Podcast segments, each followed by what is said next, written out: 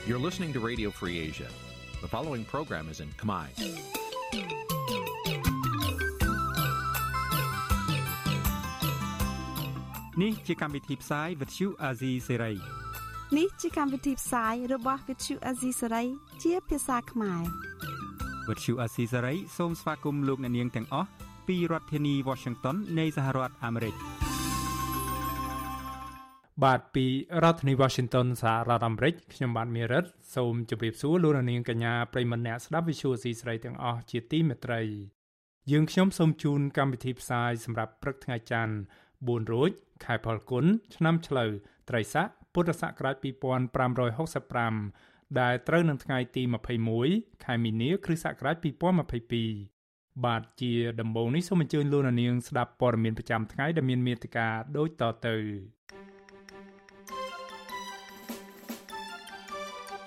នាយករដ្ឋមន្ត្រីជប៉ុនជំរុញឲ្យកម្ពុជារៀបចំការបោះឆ្នោតមួយ ដែលឆ្លុះបញ្ចាំងពីសម្លេងចម្រុះ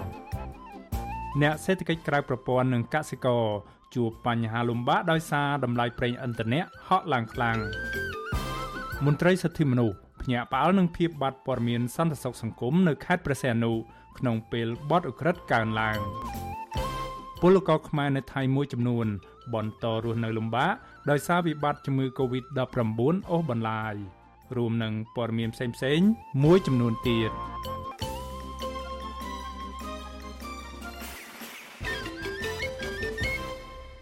បាទជាបន្តទៅទីនេះខ្ញុំបាទមេរិតសូមជូនព័ត៌មានទាំងនេះពិស្ដាបាទលោកនាងប្រិមម្នាក់ស្ដាប់ជាទីមេត្រីប្រទេសជប៉ុនជំរុញឲ្យកម្ពុជារៀបចំការបោះឆ្នោតមួយ ដែលឆ្លុះបញ្ចាំងពីសម្លេងចម្រុះរបស់ប្រជាជនកម្ពុជា ការជំរុញនេះធ្វើឡើងនៅក្នុងដំណើរទស្សនកិច្ចផ្លូវការរយៈពេល2ថ្ងៃនៅកម្ពុជា របស់នាយករដ្ឋមន្ត្រីជប៉ុនលោក Kishida Fumio សេចក្តីថ្លែងការណ៍រួមរវាងកម្ពុជានិងជប៉ុនចេញផ្សាយកាលពីយប់ថ្ងៃទី20ខែមីនាម្សិលមិញក្រោយជំនួបរវាងនាយករដ្ឋមន្ត្រីជប៉ុនលោក Kishida Fumio និងលោកនាយករដ្ឋមន្ត្រីហ៊ុនសែនឲ្យដឹងថានាយករដ្ឋមន្ត្រីនៃប្រទេសទាំងពីរបានជជែកគ្នាត្រង់ទៅត្រង់មកលើបញ្ហាសិទ្ធិមនុស្ស លទ្ធិប្រជាធិបតេយ្យនិងនីតិរដ្ឋដោយផ្អែកលើការជឿទុកចិត្តគ្នាទៅវិញទៅមកនាយករដ្ឋមន្ត្រីជប៉ុន បានលើកឡើងថាជប៉ុនគាំទ្រដល់ការលើកកម្ពស់លទ្ធិប្រជាធិបតេយ្យនិងនីតិរដ្ឋនិងថាជប៉ុនចង់ឃើញការរៀបចំការបោះឆ្នោត តាមវិធីមួយ ដែលឆ្លុះបញ្ចាំងពីសម្លេងចម្រុះពីប្រជាជនកម្ពុជា ភាគីជប៉ុនបានផ្ដល់ការគ្រប់គ្រងតាមរយៈគម្រោងនានា ដែលរួមមានដូចជាការលើកកម្ពស់កិច្ចសន្ទនារវាងរដ្ឋាភិបាលកម្ពុជានិងសង្គមស៊ីវិលការពង្រឹងអភិបាលកិច្ចតាមរយៈការចូលរួមរបស់ប្រជាពលរដ្ឋនិងជំនួយបច្ចេកទេសផ្នែកច្បាប់ជាដើមលោកនាយករដ្ឋមន្ត្រីហ៊ុនសែនមិនបានសន្យាយ៉ាងណាចំពោះការជំរុញរបស់ជប៉ុន ជាថ្មីម្ដងទៀតឲ្យកម្ពុជារៀបចំការបោះឆ្នោតដែលឆ្លុះបញ្ចាំងពីឆន្ទៈ របស់ប្រជាពលរដ្ឋកម្ពុជានេះទេក៏ប៉ុន្តែសេចក្តីថ្លែងការណ៍រួម លើកឡើងថាលោកហ៊ុនសែនបានបង្ហាញពីបំណងនៅក្នុងការខិតខំប្រឹងប្រែងបន្ថែមទៀតដើម្បីបញ្ចូលលទ្ធផលនៃការគ្រប់គ្រងរបស់ជប៉ុន ទៅក្នុងសង្គមកម្ពុជាក្រៅពីផ្ដោតលើបញ្ហាកិច្ចសហប្រតិបត្តិការផ្នែកលទ្ធិប្រជាធិបតេយ្យនិងសិទ្ធិមនុស្ស នាយករដ្ឋមន្ត្រីនៃប្រទេសទាំងពីរក៏បានលើកឡើងពីកិច្ចសហប្រតិបត្តិការផ្នែកសេដ្ឋកិច្ចដែលពួកលោកបានឯកភាពគ្នាថានឹងធ្វើឲ្យកំពង់ផែក្រុងព្រះសីហនុក្លាយជាកំពង់ផែដ៏សំខាន់ចម្បងមួយ សម្រាប់តំបន់មេគង្គនិងពិភពលោកនាយករដ្ឋមន្ត្រីនៃប្រទេសទាំងពីរក៏បានឯកភាពពង្រឹងកិច្ចសហប្រតិបត្តិការលើវិស័យសន្តិសុខបន្ថែមទៀតតាមរយៈការធ្វើទស្សនកិច្ចជាបន្តបន្ទាប់ រួមទាំងការចូលចតរបស់នាវាកងកម្លាំងស្វ័យការពារជើងទឹកជប៉ុន ការពង្រីកសម្ពយុទ្ធទ្វេភាគីរវាងប្រទេសទាំងពីរនិងកិច្ចសហប្រតិបត្តិការរវាងកងកម្លាំងស្វ័យការពារជើងគោកជប៉ុន និងកងទ័ពជើងគោកកម្ពុជាជាដើមជុំវិញបញ្ហាក្នុងតំបន់និងអន្តរជាតិវិញនាយករដ្ឋមន្ត្រីនៃប្រទេសទាំងពីរទទូចឲ្យបញ្ឈប់ការប្រើកម្លាំងជាបន្ទាន់និងដកកម្លាំងយោធាចេញពីទឹកដីអ៊ុយក្រែន នាយករដ្ឋមន្ត្រីជប៉ុននិងកម្ពុជាក៏អំពាវនាវឲ្យគ្រប់ភាគីពាក់ព័ន្ធនៅក្នុងវិបត្តិមីយ៉ាន់ម៉ាឬភូមាបញ្ឈប់ជាបន្ទាន់នៅអំពើហិង្សា និងស្នើឲ្យគ្រប់ភាគីពាក់ព័ន្ធទាំងអស់អត់ធ្មត់ជាអតិបរមាដើម្បីចាប់ផ្ដើមការចរចា ការដោះលែងអ្នកជាប់ឃុំដោយសាររឿងនយោបាយនិងការវិលត្រឡប់ទៅរកប្រក្រតីភាពនៃប្រព័ន្ធនយោបាយតាមបែបប្រជាធិបតេយ្យនៅក្នុងប្រទេសនេះឡើងវិញ។ បាទលោកនាងប្រិមម្នាក់ស្ដាប់ជាទីមេត្រីតាក់ទងទៅនឹងដំណើរទស្សនកិច្ចរបស់នាយករដ្ឋមន្ត្រីជប៉ុនលោកគីស៊ីដាហ្វូមីអូមកកាន់កម្ពុជានេះដែរអ្នកជំនាញផ្នែកវិទ្យាសាស្ត្រនយោបាយនិងកិច្ចការអន្តរជាតិមើលឃើញថាកម្ពុជាអាចឆ្លៀតឱកាសស្វែងរកការគ្រប់គ្រងពីប្រទេសលោកខាងលិច ដើម្បីស្ដារទំនាក់ទំនងរកម្មរកុសផ្នែកទំនាក់ទំនងការទូតនិងដើម្បីឲ្យបានទទួលនៅជំនួយហិរញ្ញវត្ថុស្ដារប្រទេសឡើងវិញពីវិបត្តិជំងឺ Covid-19 បាទជាបន្តទៅទីនេះសូមអញ្ជើញលោកនាងស្ដាប់បទសម្ភាសរវាងអ្នកស្រីសុជីវីជាមួយអ្នកជំនាញផ្នែកវិទ្យាសាស្ត្រនយោបាយនិងកិច្ចការអន្តរជាតិលោកអែមសវណ្ណារាជុំវិញរឿងនេះដូចតទៅចាជំរាបសួរលោកអែមសវណ្ណរាពីចម្ងាយចាបាទជំរាបសួរបាទតើលោកអាចវិភាគអាចមើលឃើញថាយ៉ាងម៉េចទៅចំពោះដំណើរទស្សនកិច្ចនេះចាវាសូមបញ្ជាក់អំពីថាការចងរឹតចំណងតាក់ទងជាភាគីនឹងទាំងវិស័យយោធាទាំង គេហៅថាវិស័យការទូតស៊ីវិលទូទៅនយោបាយហ្នឹងឲ្យមានភាពស្អិតរមួតហើយនៅក្នុងដំណើរទស្សនកិច្ចមួយនៃថ្មីថ្មីនេះមានការថាកម្បាលចម្បាំងរបស់កងទ័ពជប៉ុនពីរគ្រឿងដែលពាក់ព័ន្ធគេថាស្វ័យការពាររបស់កងទ័ពជប៉ុននេះហើយនឹងចំខួបនៃដែលជប៉ុនបានបញ្ជូនគេហៅថាទ័ព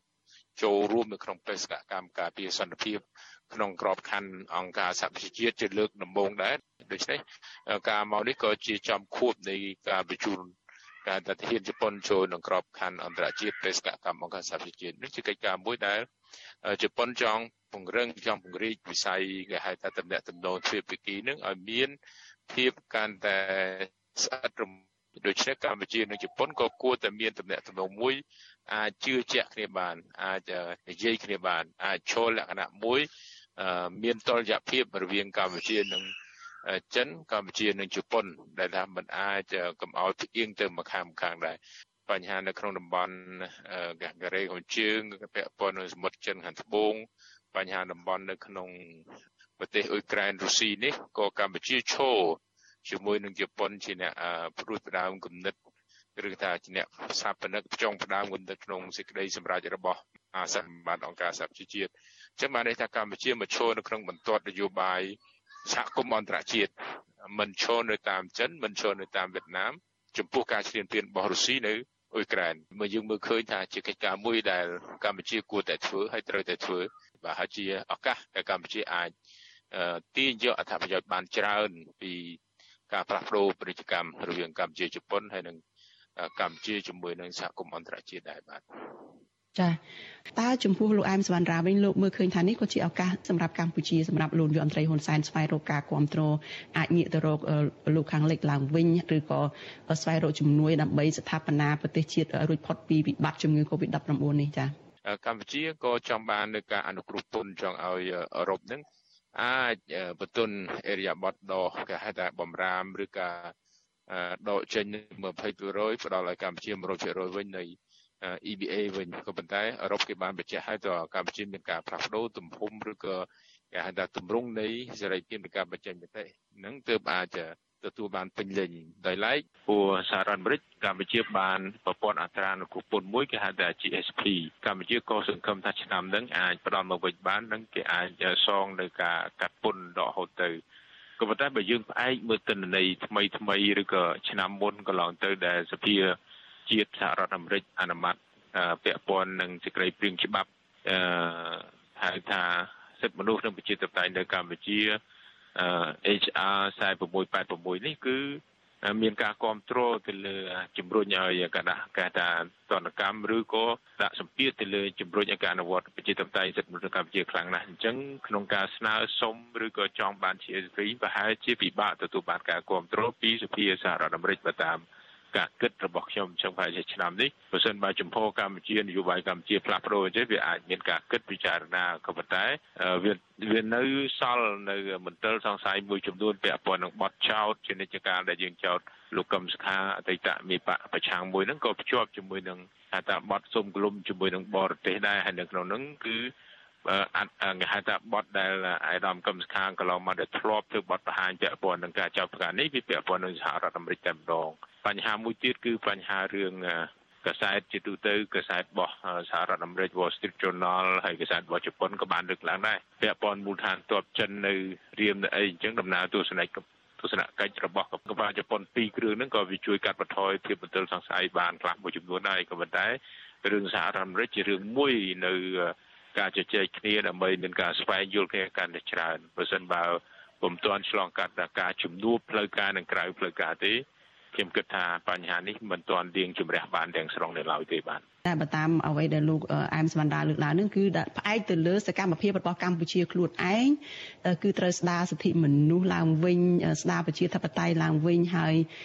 បង្ហាញនៅដំណាភាពរវាងទំនាក់ទំនងកម្ពុជាជាមួយនឹងប្រទេសចិនបង្ហាញទៅសហរដ្ឋអាមេរិកអីជាដើមហ្នឹងគឺជាមូលហេតុចម្បងបំផុតសម្រាប់ឲ្យកម្ពុជានឹងអាចទទួលយកទំនាក់ទំនងបានប្រសើរឡើងវិញជាមួយនឹងបណ្ដាប្រទេសលោកខាងលិចនឹងមិនចឹងចាលោកអែមស្មានរា បាទជាជាការពិតធម្មតាកន្លងមកយើងមានភាពរកម្មកុសមិនទុកចិត្តគ្នាអញ្ចឹងភាគីដែលមានភាពរកម្មកុសត្រូវជួបគ្នាត្រូវជជែកគ្នាមិនមែនយកភាគីផ្សេងដើម្បីដើរទួលជំនួសទេអានេះជាសាច់រឿងដែលយើងត្រូវជជែកមែនទែនចាពោះដំណើរទស្សនកិច្ចរបស់រដ្ឋមន្ត្រីការបរទេសជប៉ុនមកកម្ពុជានេះលើកណាក៏ដោយក៏មានអ្នកអង្គការសិទ្ធិមនុស្សអន្តរជាតិនឹងគឺតែងតែស្នើជានិច្ច ថាសូមឲ្យនាយករដ្ឋមន្ត្រីនៃប្រទេសជប៉ុនហ្នឹងគឺលើកឡើងពីការដែលដូចជាមានលក្ខខណ្ឌអីជាមួយរដ្ឋាភិបាលកម្ពុជាផងសូមឲ្យអឺ រដ្ឋាភិបាលនឹងគោរពសិទ្ធិមនុស្សងាកមកអនុវត្តប្រជាធិបតេយ្យឲ្យឡើងវិញទៅនៅមុនពេលដែលជប៉ុននឹងផ្ដល់ជំនួយឬក៏បន្តកិច្ចសហប្រតិបត្តិការអីជាមួយនឹងកម្ពុជាតើមកដល់ពេលនេះហេតុលោកអាចសង្កេតឃើញថាយ៉ាងម៉េចតើនាយករដ្ឋមន្ត្រីជប៉ុននឹង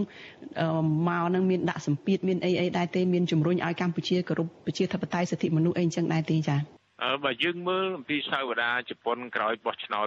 2018ពាក់ព័ន្ធទៅនឹងសិលឹកឆ្នោតមិនបានការច្រើនច្រើនចូលសែនសន្លឹកហើយដែលជប៉ុនប្រតិកម្មទៅលើសន្លឹកឆ្នាំមិនបានការហ្នឹងដូច្នេះជាប្រតិកម្មមួយដែលជប៉ុនតែងតែឈឺឆ្អាលឬក៏ពាក់ព័ន្ធទៅនឹងទម្រង់បរិយាកាសប្រជាធិបតេយ្យនៅកម្ពុជាដោយឡែករឿងការដាក់សម្ពាធរឿងអីនេះខ្ញុំគិតថាជាជាលក្ខណៈការទូតប្រទេសទាំងអស់ហ្នឹងមិនដាក់សម្ពាធអីទេគេនឹងលើកឡើងលក្ខខណ្ឌ ប្រជាធិបតេយ្យសិទ្ធិមនុស្សហើយបណ្ដាប្រទេសដូចជាជប៉ុននិងបណ្ដាលោកខាងលិចមួយចំនួនមានសហគមន៍អឺរ៉ុបមានសហរដ្ឋអាមេរិកជាប្រទេសហត្ថលេខីភាគច្រើនអញ្ចឹងគេមានសិទ្ធិឈឺឆ្អាលនិងជំរុញនៅក្នុងការអនុវត្តតាម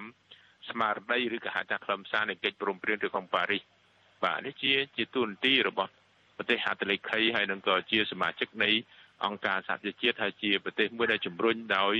កម្ពុជានឹងអាចត្រូវតែបំពេញទូនាទីក្នុងជាហត្ថលេខីក្នុងការផ្ដល់សេចក្ដីបានទាំងអស់នេះឲ្យបានពេញលេញដែរបាទចាចាជំរាបលាលោកត្រឹមតែប៉ុណ្ណេះចាបាទជំរាបលាជំរាបលាប្រិមិត្តអាស៊ីសេរីបាទបាទលោកនាងទើបបានស្ដាប់បទសម្ភាសរវាងអ្នកស្រីសុជីវីជាមួយអ្នកជំនាញផ្នែកវិទ្យាសាស្ត្រនយោបាយនិងកិច្ចការអន្តរជាតិ លោកអែមសវណ្ណារាអំពីដំណើរទស្សនកិច្ចផ្លូវការរបស់នាយករដ្ឋមន្ត្រីជប៉ុនលោក Kishida Fumio មកកាន់ប្រទេសកម្ពុជានៅពេលនេះបាទសូមអរគុណបាទលោកនាងប្រិមម្នាក់ស្ដាប់ជាទីមេត្រីដំណើរគ្នានឹងការស្ដាប់កម្មវិធីផ្សាយរបស់ Visual C ស្រីតាមបណ្ដាញសង្គម Facebook និង YouTube លោកនាងក៏អាចស្ដាប់កម្មវិធីផ្សាយរបស់ Visual C ស្រី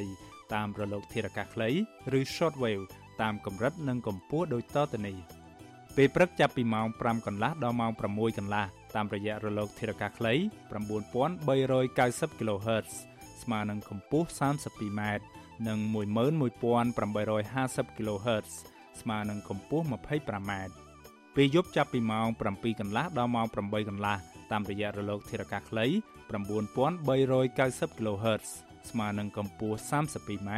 និង15155 kHz ស្មើនឹងកម្ពស់ 20m បាទសូមអរគុណ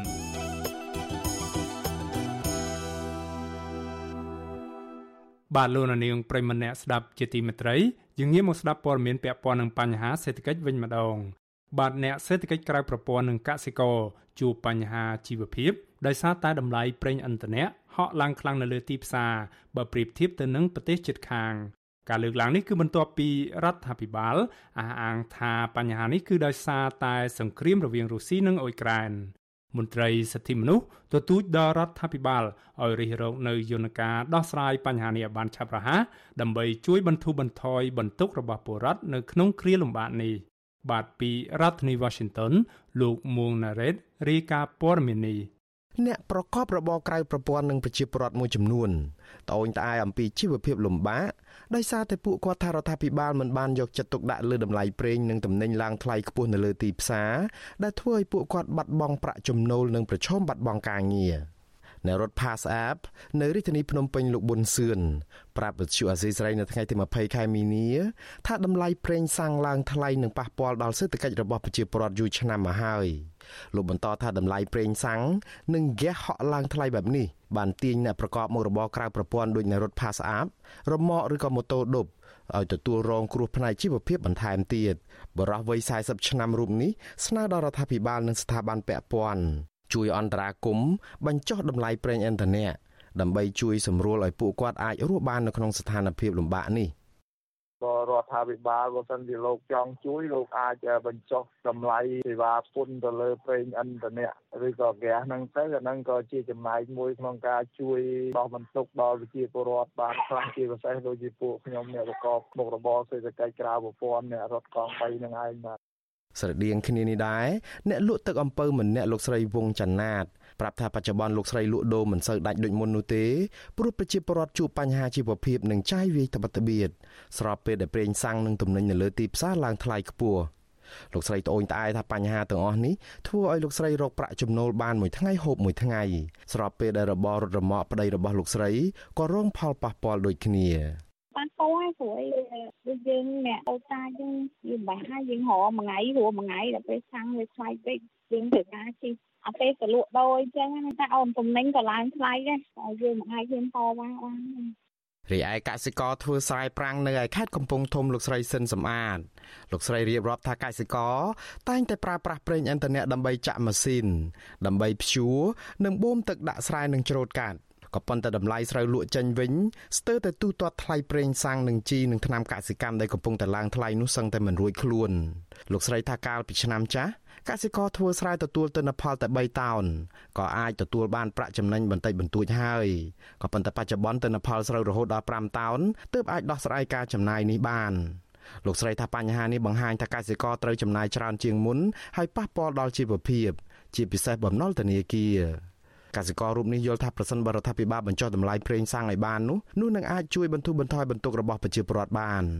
អាសាំងក៏ឡើងទីក៏ឡើងឆ្នាំក៏ឡើងបើស្រូវឡើងដែរវាអត់អីទេប៉ុន្តែស្រូវឡើងអត់រួចតែរបស់ហ្នឹងវាផលិតបានហ្នឹងវាមិនដូចតែយើងទិញគេទេណាណាที่យើងបានមកយើងត្រូវទៅលក់ឲ្យយើងមិនលក់ទុកក៏វាខាតដែរវាដឹងទុកក្រោយវាមិនដឹងលក់ថ្ងៃណាចំណេញទៀតការត្អូញត្អែរបស់ប្រជាពលរដ្ឋនេះកើតមានឡើងដោយសារតែតម្លៃប្រេងឥន្ធនៈនៅកម្ពុជាបន្តឡើងថ្លៃឥតឈប់ឈរដែលប៉ះពាល់ដល់បន្ទុកចំណាយរបស់ពួកគាត់ ឆ្លើយតបជាមួយរឿងនេះអ្នកនាំពាក្យក្រសួងសេដ្ឋកិច្ចនិងហិរញ្ញវត្ថុលោកមាសសុកសេនសានទទួលស្គាល់ថាតម្លៃប្រេងឥន្ធនៈឡើងថ្លៃនិងបង្កើនបន្ទុកលើការចំណាយរបស់ប្រជាពលរដ្ឋលោកអះអាងថារដ្ឋាភិបាលកំពុងតែសិក្សានិងវិយតម្លៃស្ថានភាពនេះដើម្បីចាត់វិធានការដោះស្រាយជូនប្រជាពលរដ្ឋហើយ ទោះជាយ៉ាងនេះក្តី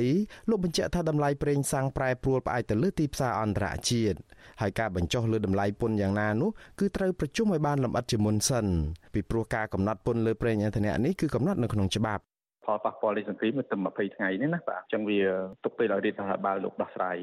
នៅក្នុងនេះសិនបាទយើងនឹងយើងនឹងវាតម្លៃនៅគ្រប់ស្ថានភាពទាំងអស់ហើយយើងនឹងមានវិធានការរដ្ឋាភិបាលមិនដែលពង្រឿយកតើទេនៅពេលដែលជួបមានបញ្ហាយើងដោះស្រាយដោយកាលពីរឿងកូវីដអញ្ចឹងយើងបានដោះស្រាយ បើទោះបីជាយ៉ាងនេះក្តីលោកនាយរដ្ឋមន្ត្រីហ៊ុនសែនឯណោះវិញលោកបន្ទោសសង្គ្រាមឈ្លានពាននៅឯប្រទេសអ៊ុយក្រែនឯណោះថាជាបញ្ហាលោកហ៊ុនសែនថ្លែងនៅក្នុងពិធីសម្ពោធភូមិកុមារ SOS នៅខេត្តព្រៃវែងកាលពីថ្ងៃទី18ខែមីនាស្នើឲ្យប្រជាពលរដ្ឋកុំជេររូបលោករឿងសាំងឡើងថ្លៃនេះដោយសារលោកថាបញ្ហានេះបណ្ដាលមកពីសង្គ្រាមរវាងរុស្ស៊ីនិងអ៊ុយក្រែនដែលបង្កើតបញ្ហាសេដ្ឋកិច្ចជាសកល និងទំនិញឡើងថ្លៃបែបនេះហើយសាំងឡើងថ្លៃសូមកុំជេរហ៊ុនសែនអីរឿងហ្នឹងវាជារឿង សភាពការអន្តរជាតិដែលបានកើតឡើងសង្គ្រាមរវាងរុស្ស៊ីនិងអ៊ុយក្រែនវាបានបង្កើតជាបញ្ហាសម្រាប់សេដ្ឋកិច្ចសកលហើយក្រសួងពាណិជ្ជកម្មបានជូនដំណឹងពីថ្លៃលក់រាយប្រេងឥន្ធនៈនៅតាមស្ថានីយ៍ដោយផ្អែកតាមតម្លៃជាមធ្យមប្រេងឥន្ធនៈលើទីផ្សារអន្តរជាតិពីថ្ងៃទី16ដល់ថ្ងៃទី31ខែមីនា សាំងធម្មតានឹងត្រូវលក់នៅក្នុងតម្លៃ5300រៀលនៅក្នុង1លីត្រនិងម៉ាស៊ូតតម្លៃ5300រៀលក្នុង1លីត្រដែរសេចក្តីជូនដំណឹងដដែលនេះក៏បញ្ជាក់ថាក្រសួងមិនមែនជាអ្នកកំណត់ថ្លៃលក់ប្រេងឥន្ធនៈនៅកម្ពុជាទេគឺក្រសួងគ្រាន់តែស្រង់តម្លៃឡើងចុះនៃថ្លៃប្រេងតាមទីផ្សារអន្តរជាតិមកគណនាតែប៉ុណ្ណោះបើទោះបីជាយ៉ាងណាមន្ត្រីអង្គការសង្គមស៊ីវិលនិងប្រជាពលរដ្ឋលើកឡើងថាតម្លៃប្រេងឥន្ធនៈនៅកម្ពុជាថ្លៃជាងប្រទេសជិតខាងដូចជាប្រទេសវៀតណាមនិងម៉ាឡេស៊ីជាដើម ពួកគាត់ចង់ឲ្យរដ្ឋាភិបាលរកមធ្យោបាយដោះស្រាយបញ្ហាប្រេងសាំងឲ្យបានទាន់ពេលវេលា និងប្រកបដោយប្រសិទ្ធភាព ដើម្បីធានានូវជីវភាពរស់នៅសមរម្យជូនប្រជាពលរដ្ឋប្រធានសមាគមប្រជាធិបតេយ្យឯករាជ្យនៃសេដ្ឋកិច្ចក្រៅប្រព័ន្ធលោកវុនពៅសង្កេតឃើញថារហូតមកដល់ពេលនេះរដ្ឋាភិបាលមិនទាន់មានវិធានការឆ្លើយតបជាក់លាក់ណាមួយលើបញ្ហាតម្លៃប្រេងឥន្ធនៈនេះនៅឡើយទេ ស្របពេលដែលក្រសួងស្ថាប័នវិញតែងតែឆ្លើយយករួចខ្លួន មន្ត្រីអង្គការសង្គមស៊ីវិលរូបនេះយល់ថាប្រសិនបើរដ្ឋាភិបាលនៅតែប្រងើយកន្តើយដោយមិនរកមធ្យោបាយដោះស្រាយករណីនេះនោះប្រជាពលរដ្ឋមួយចំនួនអាចនឹងធ្លាក់ចូលនៅក្នុងបន្ទាត់ភាពក្រីក្រដោយសារតែវិបត្តិនេះ យើងគិតថាចំណុចនេះប្រជាពលរដ្ឋគាត់បានមើលឃើញច្បាស់ថាតើសមត្ថភាពរដ្ឋាភិបាលយើងនឹងអាចជួយប្រជាពលរដ្ឋបានកម្រិតណានៅក្នុងស្ថានភាព COVID-19 នេះដែលគូផ្សំប្រទេសគេគេអាចទប់ទល់នៃការឡើងថ្លៃប្រេងឥន្ធនៈបានមិនខ្ពស់ដូចយើងចំណុចទាំងអស់នេះហើយដែលរដ្ឋត្រូវតែគិតពិចារណាឡើងវិញព្រោះតម្លៃប្រេងឥន្ធនៈស្រុកខ្មែរវាខ្ពស់ស្រាប់ដល់ពេលអាសាងពិភពលោកវិបត្តិអ៊ុយក្រែនរុស្ស៊ីទៅវារឹតតែខ្ពស់ទៀតទៀតអាហ្នឹងធ្វើឲ្យយើងប្រជាពលរដ្ឋមានការព្រួយបារម្ភមានការត្អូញត្អែធុញថប់នៃការរស់នៅប្រចាំថ្ងៃ តាមធម្មតាតម្លៃសាំងចុះថ្លៃបានគឺទាល់តែរដ្ឋបន្ថយការយកពន្ធលើប្រេងឥន្ធនៈ និងបញ្ចេញកញ្ចប់ថវិកាដើម្បីជួយចេញខាតពេលសាំងនៅលើទីផ្សារអន្តរជាតិឡើងថ្លៃដើម្បីរក្សាតម្លៃសាំងឲ្យនៅទាបឬក៏ថេរបើទោះបីជាមានការប្រែប្រួលតម្លៃនេះលើទីផ្សារអន្តរជាតិក៏ដោយមន្ត្រីអង្គការសង្គមស៊ីវិលនិងប្រជាពលរដ្ឋយល់ថាការបញ្ចុះតម្លៃប្រេងសាំងគឺជាដំណោះស្រាយដ៏សំខាន់មួយ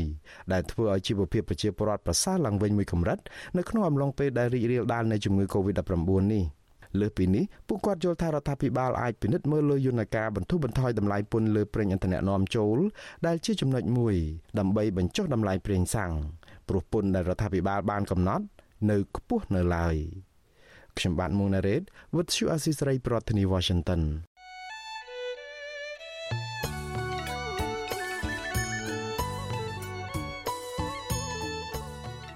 បាទលោកនាងកញ្ញាប្រិមម្នាក់ស្ដាប់ជាទីមេត្រីនៅក្នុងឱកាសនេះដែរខ្ញុំបាទសូមថ្លែងអំណរគុណដល់លោកនាងកញ្ញាទាំងអស់ដែលតែងតែមានភក្ដីភាពចំពោះការផ្សាយរបស់យើងខ្ញុំហើយចាត់ទុកការស្ដាប់ Visual Asia សេរីគឺជាផ្នែកមួយនៃសកម្មភាពប្រចាំថ្ងៃរបស់លោកនាងការគ្រប់គ្រងរបស់លោកនាងនេះហើយដែលធ្វើឲ្យយើងខ្ញុំមានទឹកចិត្តកាន់តែខ្លាំងថែមទៀតនៅក្នុងការស្វែងរកនិងផ្តល់ព័ត៌មានពិតជូនលោកនាងមានអ្នកស្ដាប់និងអ្នកទស្សនាកាន់តែច្រើនកាន់តែធ្វើឲ្យយើងខ្ញុំមានភាពស្វាហាប់និងមោះមុតជាបន្តទៅទៀត បាទយើងខ្ញុំសូមអរគុណទុកជាមុនហើយសូមអញ្ជើញលោកនាងកញ្ញាចូលរួមជំរុញឲ្យសកម្មភាពផ្តល់ព័ត៌មានពិតរបស់យើងខ្ញុំនេះកាន់តែជោគជ័យបន្ថែមទៀតលោកនាងអាចជួយយើងខ្ញុំបានដោយគ្រាន់តែចុចចែករំលែកឬ Share ការផ្សាយរបស់យើងខ្ញុំនៅលើបណ្ដាញសង្គម Facebook និង YouTube ទៅកាន់មិត្តភ័ក្តិដើម្បីឲ្យការផ្សាយរបស់យើងបានទៅដល់មនុស្សកាន់តែច្រើន បាទសូមអរគុណ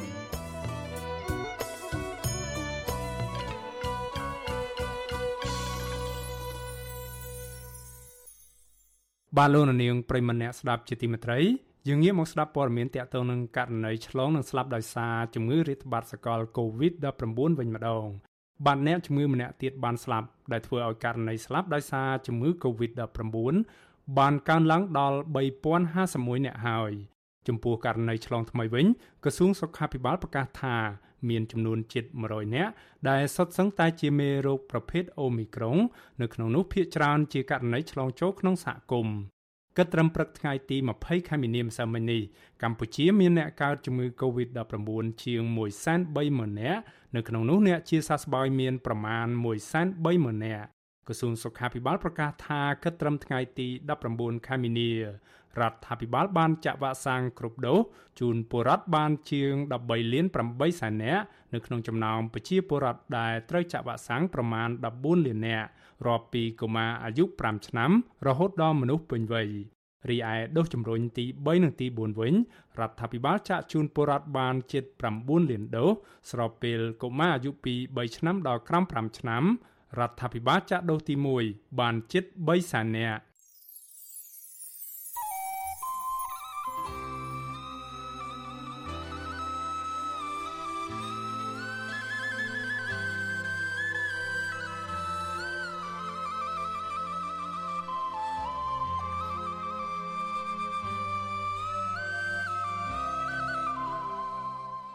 បាទព័ត៌មានពាក់ព័ន្ធនឹងពលករចំណាក់ស្រុកខ្មែរនៅប្រទេសថៃវិញម្ដង បាទពលករខ្មែរមួយចំនួន ដែលធ្វើការងារនៅប្រទេសថៃ បន្តមានជីវភាពលំបាកលំបិនដោយសារតែគ្មានការងារធ្វើទៀងទាត់នៅក្នុងអំឡុងបុណ្យចូលឆ្នាំថ្មីប្រពៃណីខ្មែរនាពេលខាងមុខនេះពួកគេនឹងមិនបានទៅលេងស្រុកកំណើតនោះទេព្រោះគ្មានប្រាក់ធ្វើដំណើរមកកម្ពុជា បាទលោកសំច័ន្ទរដ្ឋារាយការណ៍ព័ត៌មាននេះ ពលករខ្មែរធ្វើការនៅប្រទេសថៃលើកឡើងថាជីវភាពពួកគាត់ជួបការលំបាកខ្លាំងក្នុងរយៈពេល2ខែចុងក្រោយនេះដោយសារការរាតត្បាត COVID-19 បានផ្ទុះឡើងជាថ្មីនៅប្រទេសថៃប្រជាប្រដ្ឋមានស្រុកកំណើតនៅឧត្តមមានជ័យម្នាក់លោកស្រីភីរិទ្ធបានប្រាប់វិទ្យុអេស៊ីសរ៉ៃថ្ងៃទី20ខែមីនាថាលោកស្រីមិនបានធ្វើការងារជាប់លាប់ប្រមាណ2ខែមកហើយដោយសារផ្ទុះការរាតត្បាត COVID-19 នៅតំបន់ដែលលោកស្រីធ្វើការស្ត្រីវ័យ51ឆ្នាំដែលធ្វើការងាររោងចក្រផលិតជីនៅខេត្តយុទ្ធជារូបនេះ បន្តថាសប្តាហ៍ថ្ងៃលោកស្រីធ្វើការបាន2ថ្ងៃក្នុងមួយខែនឹងបានប្រាក់ឈ្នួលប្រមាណ300បាតឬស្មើនឹងជាង9ដុល្លារប៉ុណ្ណោះបញ្ហានេះបានប៉ះពាល់យ៉ាងខ្លាំងដល់ជីវភាពរស់នៅប្រចាំថ្ងៃរបស់គ្រួសារលោកស្រីហើយលោកស្រីបានខ្ចីប្រាក់ពីតកែអស់ជាង5000បាតឬស្មើប្រមាណ160ដុល្លារដើម្បីទិញស្បៀងអាហារហូបចុកប្រចាំថ្ងៃ ដូចថាមើលវាដូចឆ្នាំដូចវាយ៉ាប់បំងដូចថាជីវភាពដូចលូតទៅមុខមិនរួចក្រោយមិនរួចទៅខ្ញុំចិត្តខ្ញុំចង់ទៅជួបប្តីជួបកូនងប់ខ្ញុំមកចោលកូនពីកូននៅទៅលើកូននៅកន្លោះបាត់ហើយមិនទាន់បានជួបផងចាប់ពីកូវីដមកវាយ៉ាប់វាយ៉ាងនឹងយ៉ាប់នឹងរឿងការងារធ្វើអត់ហ្មងជីវភាពវាយ៉ាប់ទៅវាចាប់សេដ្ឋកិច្ចវាអីវ៉ាន់វាឡើងថ្លៃមកវាទិញអីមកសាងឲ្យខ្មែរយើងធ្វើទៀតចឹងណានៅច្រើនណាខ្មែរយើងមកជួខេត្តរាជចាស់នៅចាំក៏រាប់រៀបវិញមិនអស់កន្លែងនៅទេ លោកស្រីបន្តថានៅតំបន់លោកស្រីធ្វើការមានពលករខ្មែរប្រមាណ2000នាក់ស្នាក់នៅហើយពួកគាត់អត់ការងារធ្វើដូចគ្នាក្នុងនោះមានពលករខ្លះបានទៅស៊ីឈ្នួលធ្វើការតាមផ្ទះឲ្យជនជាតិថៃដើម្បីបានប្រាក់ឈ្នួលបន្តិចបន្តួចដើម្បីដោះស្រាយជីវភាពប្រចាំថ្ងៃ។ស្រដៀងគ្នានេះដែរពលករធ្វើការនៅប្រទេសថៃម្នាក់ទៀតលោកធឿនស៊ីណេតរៀបរាប់ថាលោកបានធ្វើការជាប់លាប់រយៈពេល2ខែមកហើយដោយសារការរាតត្បាត COVID-19 ឆ្លងចូលក្នុងសហគមន៍ពលករនៅចំការមានវ័យ30ឆ្នាំរំនេះ បន្តថានៅកន្លែងធ្វើការលោកក្នុងខេត្តច័ន្ទបុរីមានពលករខ្មែរប្រមាណ10គ្រួសាររកប្រាក់មិនបានផ្ញើទៅឲ្យពុកម្ដាយនៅកម្ពុជាទេពលគឺលោកធ្វើការបានប្រាក់ឈ្នួលប្រមាណ4000បាតឬស្មើនឹង125ដុល្លារសម្រាប់ដោះស្រាយជីវភាពក្នុងប្រទេសថៃប៉ុណ្ណោះ នៅធ្វើម៉េចបើយើងចេញទៅផ្ទះក៏វាមិនកើតអញ្ចឹងចេញទៅផ្ទះក៏អត់លុយអត់អីអញ្ចឹងបាក់ចេញពុកចិត្តនៅរនេះតតែឲ្យតែបានធូរតិចទៅចាំទៅផ្ទះទៅផ្ទះមានអីធ្វើបងនៅមួយម៉ែមួយអីដែរនឹងហើយមកផ្ទះនៅ5 6នាក់ហ្នឹងបាទនៅនេះយើងពួកយើងមានតកាយអញ្ចឹងយើងអាចឆែកគេខ្លះចាយតិចតិចតិចព្រោះយើងនៅខ្មែរយើងមានតកាយមានអីណាមានដីមានអីដូចគេណាបាក់យើងសារៈអញ្ចឹងបាក់ដែរបើមានការងារធ្វើចេះចង់ទៅធ្វើទៅពួកខ្ញុំធ្វើការចាយវាច្រើនផង គោនៃផងដោះគោគោនៃភូមិភើតគោដល់2នាក់ហ្នឹងដោយឡែកពលករធ្វើការសំណងនៅក្រុងម៉ាកកនៅវិញពួកគេក៏មានជីវភាពខ្វះខាតដែរដោយសារការរាតត្បាត COVID-19 លោកស្រីជឿនស្រីមិចថ្លែងថានៅកន្លែងធ្វើការលោកស្រីមានពលករខ្មែរជាង100នាក់អត់ការងារធ្វើជាមួយសប្តាហ៍មកហើយដោយសារមានពលករខ្លះបានឆ្លង COVID-19 លោកស្រីបន្តថានៅថ្ងៃទី20ខែមីនាអង្គការសង្ត្រាល់បានផ្ដល់សេវាអាហារមួយចំនួនជូនដល់ពលលោកស្រីក្រោយពីពួកគាត់បានស្នើសុំ ក្រមពលករទៅនេះថ្លែងថាពួកគាត់មិនបានទៅលេងបុណ្យចូលឆ្នាំប្រពៃណីខ្មែរខាងមុខទេដោយសារបញ្ហាជីវភាពខ្វះខាតហើយគ្មានប្រាក់ធ្វើដំណើរឆ្លងដែនទៅកម្ពុជាវិទ្យុអាស៊ីសេរីមិនទាន់អាចតតមន្ត្រីស្ថានទូតខ្មែរប្រចាំប្រទេសថៃដើម្បីសុំការថាតបាយអំពីទុលបាតរបស់ពលករទៅនេះបាននៅឡើយទេនៅថ្ងៃទី20ខែមីនាប៉ុន្តែ Facebook របស់ស្ថានទូតខ្មែរប្រចាំក្រុងបាងកកបានមហោសារពីការចោះជួបសម្ដែងសម្ដាលនិងសួរសុខទុក្ខពលករខ្មែរដែលស្នាក់នៅនឹងធ្វើការនៅខេត្តឈុនបុរី ជាប់ក្រុងអង្គរកាលពីថ្ងៃទី23ខែមករាមន្ត្រីស្ថានទូតបានបញ្យល់ណែនាំអំពីច្បាប់ការពារសិទ្ធិពលករនិងសិទ្ធិទទួលបានអត្ថប្រយោជន៍ផ្សេងៗចំពោះពលករដែលធ្វើការងារស្របច្បាប់និងណែនាំឲ្យពួកគាត់ចេះវិធីបង្ការកុំឲ្យឆ្លងជំងឺ Covid-19 ជុំវេលានេះមន្ត្រីសិទ្ធិការងារនៃអង្គការសង្ត្រាល់ប្រចាំប្រទេសថៃលោកលឹងសុផុនសង្កេតឃើញថាជីវភាពរបស់ពលករអំឡុងពេលនេះមានការលំបាកគ្រប់ទីកន្លែងហើយពលករមួយចំនួន ចាប់ផ្ដើមធុញទ្រាន់នឹងស្ថានភាពអូសបន្លាយវិបត្តិ COVID-19 ដែលធ្វើពួកគាត់ខកខានទៅលេងកម្ពុជាអស់រយៈពេលជាង2ឆ្នាំមកហើយលោកបន្តថារយៈពេលប្រមាណថ្ងៃចុងក្រោយនេះមានពលករច្រើនអ្នកបានធ្វើដំណើរទាំងបថុយបឋានត្រឡប់ទៅកម្ពុជាវិញដោយសារពួកគាត់មិនអាចអត់ទ្រាំនឹងការលំបាកនៅប្រទេសថៃបន្តទៀតបានជាក់ស្ដែង នៅតាមមិនថាឡើយទៅកន្លែងខ្ញុំនៅសម្បីកន្លែងដទៃផ្សេងផ្សេងដែលខ្ញុំបានចុះទៅនឹងឃើញថាបងប្អូនមានការឆ្លងហើយនឹងលំបាកក្នុងការរស់នៅណាចង់បានឲ្យមន្ត្រីពាក់ព័ន្ធបងប្អូនពលករខ្មែរនៅថៃនឹងជួយរកវិធានការណាមួយសម្រាលទុកលំបាករបស់ពួកគាត់នៅពេលដែលពួកគាត់ប្រឈមបញ្ហាបច្ចុប្បន្នហើយយើងដឹងហើយបញ្ហាប្រឈមរបស់ពួកគាត់មានអីខ្លះមានអីខ្លះហ្នឹងខ្ញុំជឿថាមន្ត្រីស្ថានទូតមន្ត្រីពាក់ព័ន្ធហ្នឹងខ្ញុំជឿថាពួកគាត់យល់ដឹងថាបងប្អូនពលករហ្នឹងគាត់មានបញ្ហាអីចឹងណាបាទលោកលឹងសុផុតបន្ថែមថាសប្តាហ៍នេះមានពលករខ្មែររាប់ម៉ឺននាក់អស់សុពលភាពទឹកតកានិងឯកសារធ្វើការងារស្របច្បាប់ហើយពួកគាត់មិនបានបន្តសុពលភាពឯកសារទៅនោះទេដោយសារគ្មានប្រាក់បណ្ដាលមកពីអត់ការងារធ្វើទៀងទាត់អស់ជាច្រើនខែមកហើយលោកជឿជាក់ថាដើម្បីសម្រួលដល់ពលករទៅនេះមានតែរដ្ឋាភិបាលនិងស្ថានទូតខ្មែរប្រចាំប្រទេសថៃជួយអន្តរាគមន៍ទៅអាជ្ញាធរថៃដើម្បីសម្រួលឲ្យពួកគាត់បន្តស្នាក់នៅប្រទេសថៃដោយមិនមានការចាប់ចងអំឡុងពេលនេះ របាយការណ៍អង្គការសង្ត្រាល់ឲ្យដឹងថាបច្ចុប្បន្នមានពលករខ្មែរធ្វើការងារស្របច្បាប់និងមិនស្របច្បាប់ជិត2លាននាក់នៅប្រទេសថៃខ្ញុំសនចាររថាវិទ្យុអេស៊ីសេរីរាយការណ៍ពីរដ្ឋធានីវ៉ាស៊ីនតោនបាទលោកនាងប្រិមម្នាក់ស្ដាប់ជាទីមេត្រីព័ត៌មានដាច់ដライមួយទៀតស្ត្រីជនជាតិថៃដែលកាលពីសប្តាហ៍មុនបានរីកាប្រាប់ប៉ូលីសថា ខ្លួនត្រូវជនជាតិចិនបូមឈាមលក់និងហៀបតែនឹងត្រូវវះកាត់យកស្រីរៀងនៅខេត្តប្រសេះអនុនោះបានចេញមុខមកសារភាពប្រាប់ប៉ូលីសថៃថា នោះគឺជារឿងប្រឌិតទេ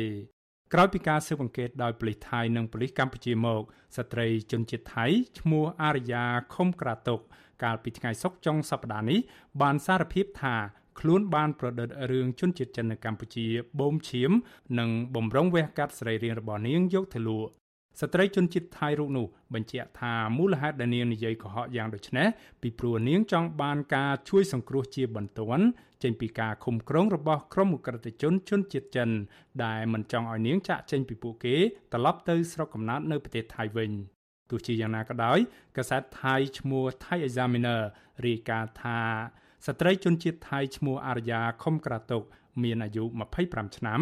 អាចប្រឈមនឹងទោសព្រហ្មទណ្ឌដែលអាចជាប់ពន្ធនាគាររហូតដល់ទៅ3ឆ្នាំ ពីបទនិយាយភូតកុហកសមត្ថកិច្ចប៉ូលីសប្រពន្ធដដាលបន្តថាបើទោះបីជាករណីស្ត្រីជនជាតិថៃមួយនេះនៅចុងបញ្ចប់ទៅ បង្ហាញថាมันមានការវះកាត់យកស្រីរាងរបស់នាងក៏ដោយចុះក៏នេះមិនមែនមានន័យថារាល់របាយការណ៍អំពីការជួញដូរស្រីរាងមនុស្សមិនមែនជាការពិតនោះឡើយ របាយការណ៍របស់អង្គការសហប្រជាជាតិប្រចាំឆ្នាំ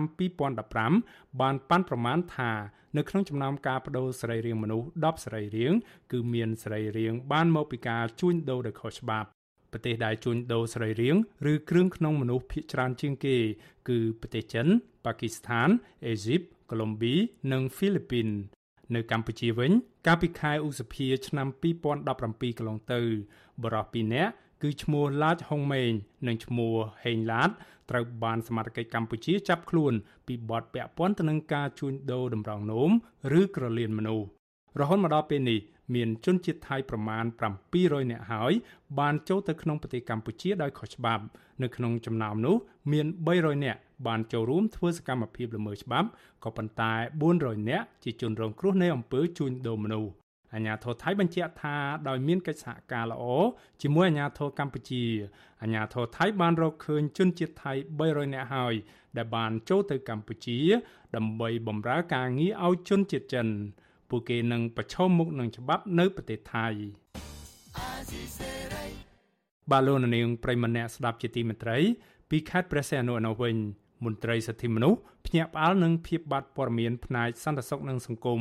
នៅក្នុងខេត្តនេះក្នុងពេលដែលបញ្ហាសង្គមនិងបរិក្រិតកើនឡើងជាលំដាប់មន្ត្រីដដែលសង្ស័យថាអាចមានការរដ្ឋបិទការបិទបាំងព័ត៌មានឬការរើសអើងដោយប្រការណាមួយចំពោះអ្នកសារព័ត៌មានទើបបានជាមានរឿងរ៉ាវដូចនេះឡើងបាទសូមអញ្ជើញលោកនាងស្ដាប់សេចក្តីរាយការណ៍មួយទៀតរបស់លោកមួងណារ៉េតជំវិញព័ត៌មាននេះ មន្ត្រីសិទ្ធិមនុស្សនៃអង្គការសង្គមស៊ីវិលប្រចាំខេត្តប្រស័យអនុ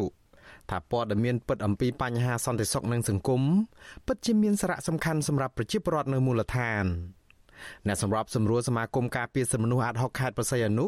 អ្នកស្រីជាបសុធារីថារាល់ព័ត៌មានពិតអំពីអ្វីដែលកើតឡើងនៅក្នុងសហគមន៍ជាពិសេសបញ្ហាអក្រកម្មនិងឃាតកម្មផ្សេងផ្សេងអាចជួយឲ្យប្រជាពលរដ្ឋមានការប្រុងប្រយ័ត្នខ្ពស់និងធ្វើឲ្យប្រជាពលរដ្ឋខ្លាយទៅជាអ្នកផ្ដល់ព័ត៌មានផ្សេងផ្សេងជូនអាជ្ញាធរដើម្បីទប់បញ្ហាទាំងអស់នេះផង អ្នកស្រីបន្ថែមទៀតថាប្រសិនបើអាជ្ញាធរបិទបាំងព័ត៌មានទាំងអស់នេះវាជាគ្រោះថ្នាក់ទៅវិញទេដោយសារតែអ ுக ្រិតជនទាំងអស់នោះឯងបានរស់នៅជាមួយនឹងប្រជាពលរដ្ឋហើយបើគ្រាន់តែតាមការធ្វើដំណើរការនិយាយស្ដីនឹងការប្រស្រ័យតាក់ទងគ្នាប្រជាពលរដ្ឋមិនអាចដឹងថានរណាជាមនុស្សល្អឬជាមនុស្សអាក្រក់បាននោះទេព្រោះប្រជាពលរដ្ឋមិនដឹងថាពួកគេធ្វើអ្វីខ្លះគួរ តែធ្វើការសបផ្សាយទៅឲ្យជាប្រដ្ឋបានដឹងដើម្បីឲ្យគាត់មានការប្រុងប្រយ័ត្នថាជនទាំងអស់នេះនៅកន្លែងនេះកន្លែងនេះសុទ្ធតែជាក្រុមអក្រិតជនឬក៏ក្រុមជនដែលប្រព្រឹត្តបទល្មើសដើម្បីឲ្យពួកគាត់ដែលជាប្រជាពលរដ្ឋរស់នៅជាមួយគ្នានឹងគាត់មានការប្រុងប្រយ័ត្នហើយគាត់តាមសម្គាល់មើលតាមក្រមមើលហើយបើឃើញករណីមិនប្រក្រតីកន្លែងណាគឺគាត់អាច ពីការជម្រាបជូនទៅដល់សមាជិកនៅតាមមូលដ្ឋានដែរហ្នឹងជាការចូលរួមចំណែកក្នុងការការពារសន្តិសុខស្ដាប់ធ្នាប់នៅក្នុងភូមិឃុំគាត់ផងហើយជាការចូលរួមទាំងអស់គ្នានៅការពារដើម្បីឲ្យបញ្ហាសន្តិសុខស្ដាប់ធ្នាប់មានលក្ខណៈល្អប្រសើរឡើងវិញ ប្រតិកម្មរបស់មន្ត្រីអង្គការសង្គមស៊ីវិលរូបនេះធ្វើឡើងក្រោយបញ្ហាអសន្តិសុខសង្គមនិងឃាតកម្មនិងអកតកម្មធ្ងន់ធ្ងរនឹងសាហាវដូចជាករណីឃាតកម្មការកាប់ចាក់គ្នា ការប្រើប្រាស់អាវុធខុសច្បាប់ ការចាប់ពង្រត់មនុស្សការសម្លាប់មនុស្សរួចយកសាកសពទៅបោះចោលនៅតាមឆ្នេរសមុទ្រជាដើមនោះបានផ្ទុះកក្រាំងនៅខេត្តប្រស័យអនុនៅក្នុងពេលជាមួយគ្នានេះសារព័ត៌មាននៅក្នុងស្រុកមានដូចជាសារព័ត៌មាន VOD បានរាយការណ៍អំពីករណីដែលអាជ្ញាធរដាក់សម្ពាធ រើសអើងនឹងគំរាមកំហែងអ្នកសារព័ត៌មានមិនឲ្យរាយការណ៍ព័ត៌មានជុំវិញករណីទាំងអស់នេះទៅវិញអ្នកស្រីជីបសុធារីក៏សម្គាល់ឃើញថាមួយរយៈពេលចុងក្រោយនេះពលរដ្ឋនៅខេត្តបរសៃអនុរួមទាំងអ្នកស្រីផងមិនសូវទទួលបានព័ត៌មានពិតអំពីហេតុការណ៍ដែលកើតមាននៅក្នុងខេត្តនេះនោះទេដោយសារតែព័ត៌មានដែលអ្នកស្រីធ្លាប់លើផ្សាយតាមបណ្ដាញសង្គមផ្សេងផ្សេងក៏លែងឃើញមានតទៅទៀតនោះដែរ ជាងនេះទៅទៀតអ្នកស្រីថារឿងចំនួនដីធ្លីគឺអាជ្ញាធរហាមសិទ្ធិប្រជាពលរដ្ឋនិងអ្នកសារព័ត៌មានមិនឲ្យថតផ្សាយទៀតផងហើយនៅកន្លែងណាក៏ដោយឲ្យតែសមត្ថកិច្ចលោកចូលទៅអនុវត្តគឺលោកហាមឃាត់មិនឲ្យកាន់ទូរស័ព្ទថតផុសផ្ដេសផ្ដាស់ទេហើយដូចជាខាងអឺអ្នកយកព័ត៌មានលោកហ៊ុយបន្លែងដែលគាត់ជាអ្នកយកព័ត៌មានតានៅក្នុងខេត្តផ្សេងនោះលោកផុសទៅអានឹងយើងបានដឹងទៅឬក៏ ក្នុងការនគរបាលខេត្តព្រះសីហនុលោកផុសទៅយើងបានដឹងទៅឬក៏អឺមានអឺអ្នកយកព័ត៌មានប្រចាំសាលាខេត្តព្រះសីហនុអីអញ្ចឹងលោកភៀងភិរមអ្នកនាំពាក្យសាលាខេត្តព្រះសីហនុអីអញ្ចឹងលោកផ្សាយទៅយើងបានដឹងទៅជាមួយរឿងនេះមន្ត្រីនគរបាលខេត្តព្រះសីហនុច្រានចោលការលើកឡើងអំពីករណីដែលអាជ្ញាធរដាក់សម្ពាធឬអើងនឹងគម្រាមកំហែងអ្នកសារព័ត៌មានមិនឲ្យរាយការណ៍ព័ត៌មានជុំវិញបញ្ហាសន្តិសុខនិងសង្គមនៅខេត្តនេះ ស្នងការខេត្តប្រសេនុលោកជួននរិនប្រាប់វិទ្យុអាស៊ីសេរីកាលពីថ្ងៃទី20ខែមីនាដោយអះអាងថាគ្មានពេលណាមួយដែលអាជ្ញាធរខេត្តនេះមិនសហការជាមួយនឹងអ្នកសារព័ត៌មានក្នុងការផ្តល់ព័ត៌មានពិត អំពីហេតុការណ៍ដែលកើតមានឡើងនៅក្នុងខេត្តនេះនោះឡើយដូចជាมันមានថាធ្វើឲ្យរាំងស្ទះអីទេការងារដែលមានការហបឡាញមានតាមមិនដឹងអីគឺថាសមត្ថកិច្ចគ្រប់ជំនាញក្រោមគណៈជាការរដ្ឋបាលសាលាខេត្តដោះស្រាយគ្រប់ពេលវេលាបាទ ព្រោះយើងជាសមត្ថកិច្ចយើងជានគរបាលជាតិយើងបម្រើបាទបម្រើគ្រប់ទូរស័ព្ទព័ត៌មានហ្នឹងពិតពិតយើងត្រូវស្រាវជ្រាវដល់ឫសគល់យើងត្រូវទទួលទាំងអស់បាទយើងត្រូវទទួលបើទោះបីជាមានការអះអាងយ៉ាងនេះក្តីក៏សារព័ត៌មាននៅក្នុងស្រុកត្អូញត្អែថាអាញាធរគ្រប់លំដាប់ថ្នាក់ពូកែខាងឆ្លើយបដិសេធដោះសារនឹងការពីជាជាងឆ្លើយព្រមទទួលដោះស្រាយនឹងការពិត ខ្ញុំបាទមុងណារ៉េត With you Azisari ប្រធានាទី Washington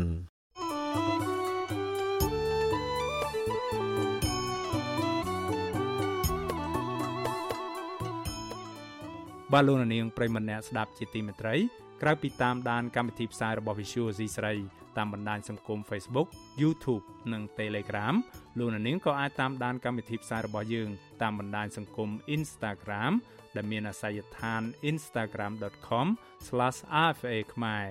Visual C ស្រីបន្តខិតខំផ្សព្វផ្សាយព័ត៌មានពិតជូនដល់លោកនាងតាមរយៈបណ្ដាញសង្គមផ្សេងៗនិងសម្បូរបែបដើម្បីឲ្យលោកអ្នកនាងងាយស្រួលតាមដានការផ្សាយរបស់យើងគ្រប់ពេលវេលានិងគ្រប់ទីកន្លែងតាមរយៈទូរស័ព្ទដៃរបស់លោកអ្នកនាង បាទសូមអរគុណ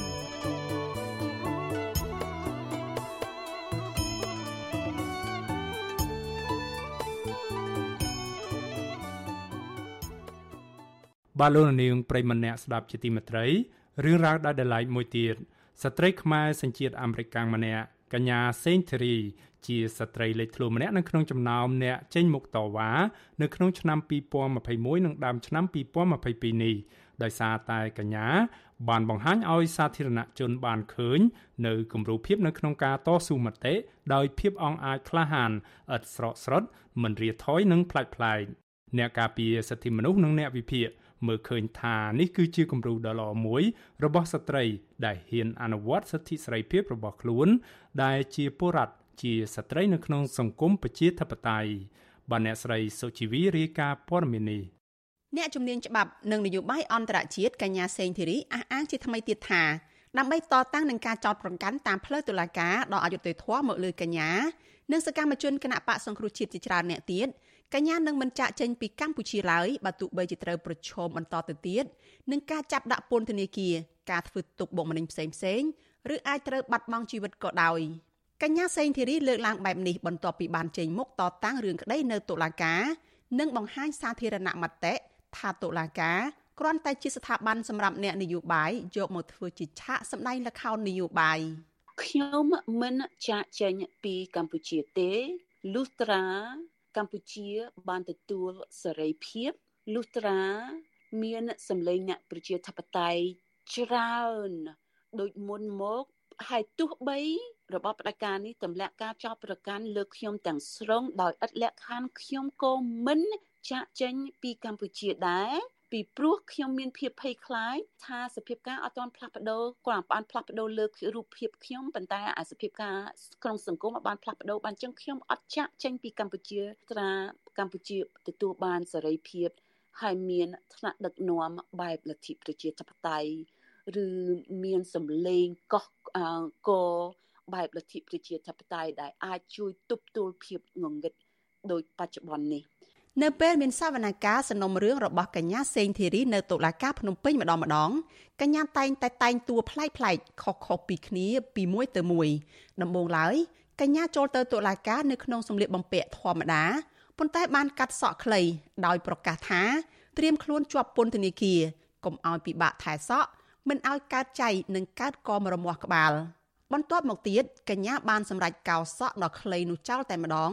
ឲ្យកាន់តែងាយស្រួលថែទាំប្រសិនបើត្រូវជាប់ពន្ធនាគារក្រោយមកទៀតកញ្ញាបានធ្វើឲ្យភ្ញាក់ផ្អើលដោយតែងខ្លួនជាតួទេពអប្សរនាងអប្សរាប៉ុន្តែអប្សរក្បាលត្រងោលដែលខ្មែរគ្រប់គ្នាមិនធ្លាប់ឃើញនាងទេពអប្សរអត់សក់បែបនេះពីមុនមកទេ បន្ទាប់ពីនោះកញ្ញាធីរីក៏បានបដូរទៅជាស្លៀកពាក់បែបបរោះប្រចាំប្រទេសវិញមិនទាន់ចាប់ត្រឹមនេះទេសវនកម្មក្រោយមកទៀត កញ្ញាសេងធីរីបានស្លៀកសម្លៀកបំពាក់អ្នកជាប់ឃុំនៅក្នុងពន្ធនាគារគឺខោអាវពណ៌ស្លាទុំឬពណ៌ទឹកក្រូចដោយសំអាងថាតុលាការអាចកាត់ឲ្យកញ្ញាជាប់ពន្ធនាគារបានគ្រប់ពេលវេលាចាប់ពីស្លៀកពាក់ជាអ្នកជាប់ឃុំកញ្ញាសេងធីរីងាកមកស្លៀកពាក់ជាតួរឿងភាគបុរាណចិនវិញដោយមានពាក់សក់ក្រងត្រឹមពាក់កណ្ដាលក្បាលសវនាការថ្មីថ្មីចុងក្រោយនេះកញ្ញាបានតែងខ្លួនជាស្ត្រីចូលរួមកម្មវិធីពេលរាត្រីពាក់អាវវាលដៃ ដោយមានសរសេរលេខ9នៅលើដើមដៃដែលបញ្ជាក់ថាកញ្ញាគ្រប់គ្រងដំណើរវិលទៅកម្ពុជាវិញរបស់លោកសំលេងស៊ីកាលពីថ្ងៃទី9ខែវិច្ឆិកាឆ្នាំ2019ដែលនោះ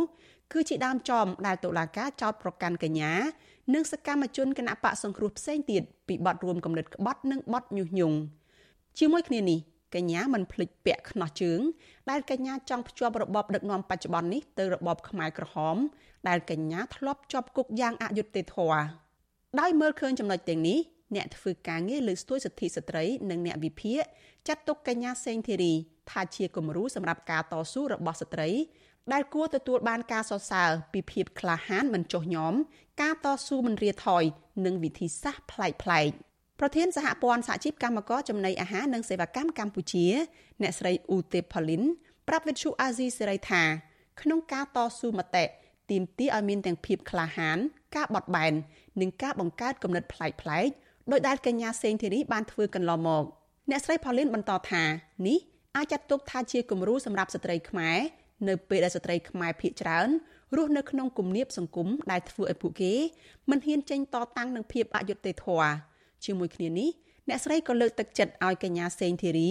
ចែករំលែកបទពិសោធន៍ដែលកញ្ញាធ្វើបាននេះទៅស្ត្រីខ្មែរផ្សេងទៀតតាមរយៈការចងក្រងបណ្ដាញស្ត្រីនៅផ្នែកផ្សេងផ្សេងទៀតឬគៀងកសម្លេងឲ្យចូលរួមជាមួយកញ្ញាបន្ថែមទៀតដើម្បីឲ្យសម្លេងស្ត្រីកាន់តែរឹងមាំទីមួយខ្ញុំសរសើរពីទេពកសល នៅក្នុងការច្នៃប្រឌិតរបស់គាត់របៀបតស៊ូមតិណាបាទតួ មានអ្នកខ្លះថាគាត់ឈួតគាត់ធ្វើអីប្លែកប្លែកក៏ដោយប៉ុន្តែមកពីអ្នកទាំងនោះអត់តបានយល់ពីគំនិតនៅក្នុងការច្នៃប្រឌិតដើម្បីឲ្យមានការតាក់ទាញទៅដល់សាធារណជនឲ្យដឹងថាតើ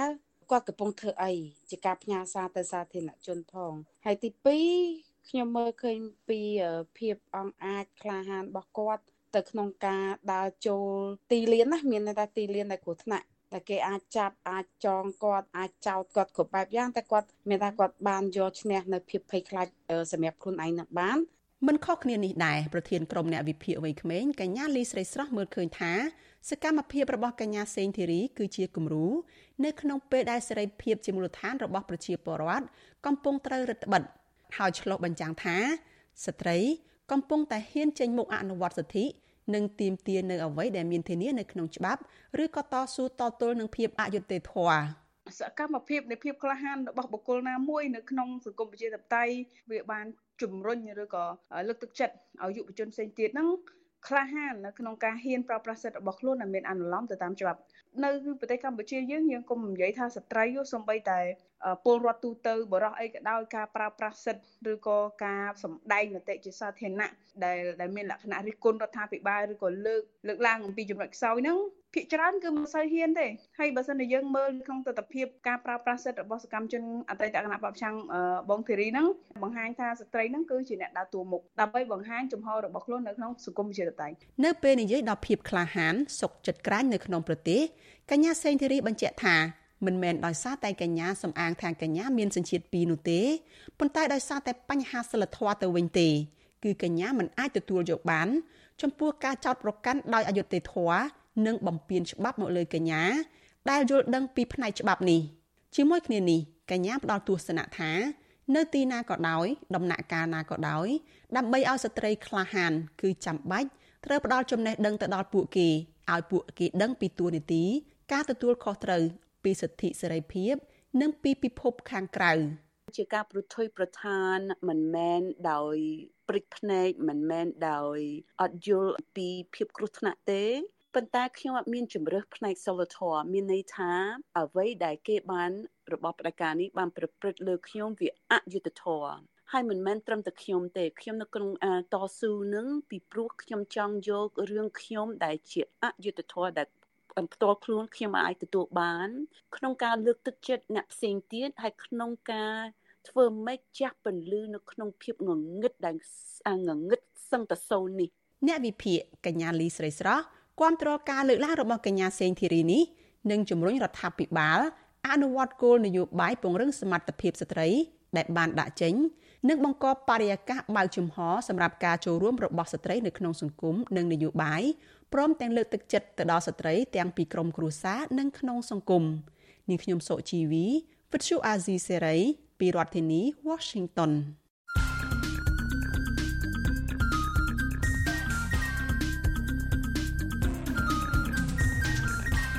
បទសំភារ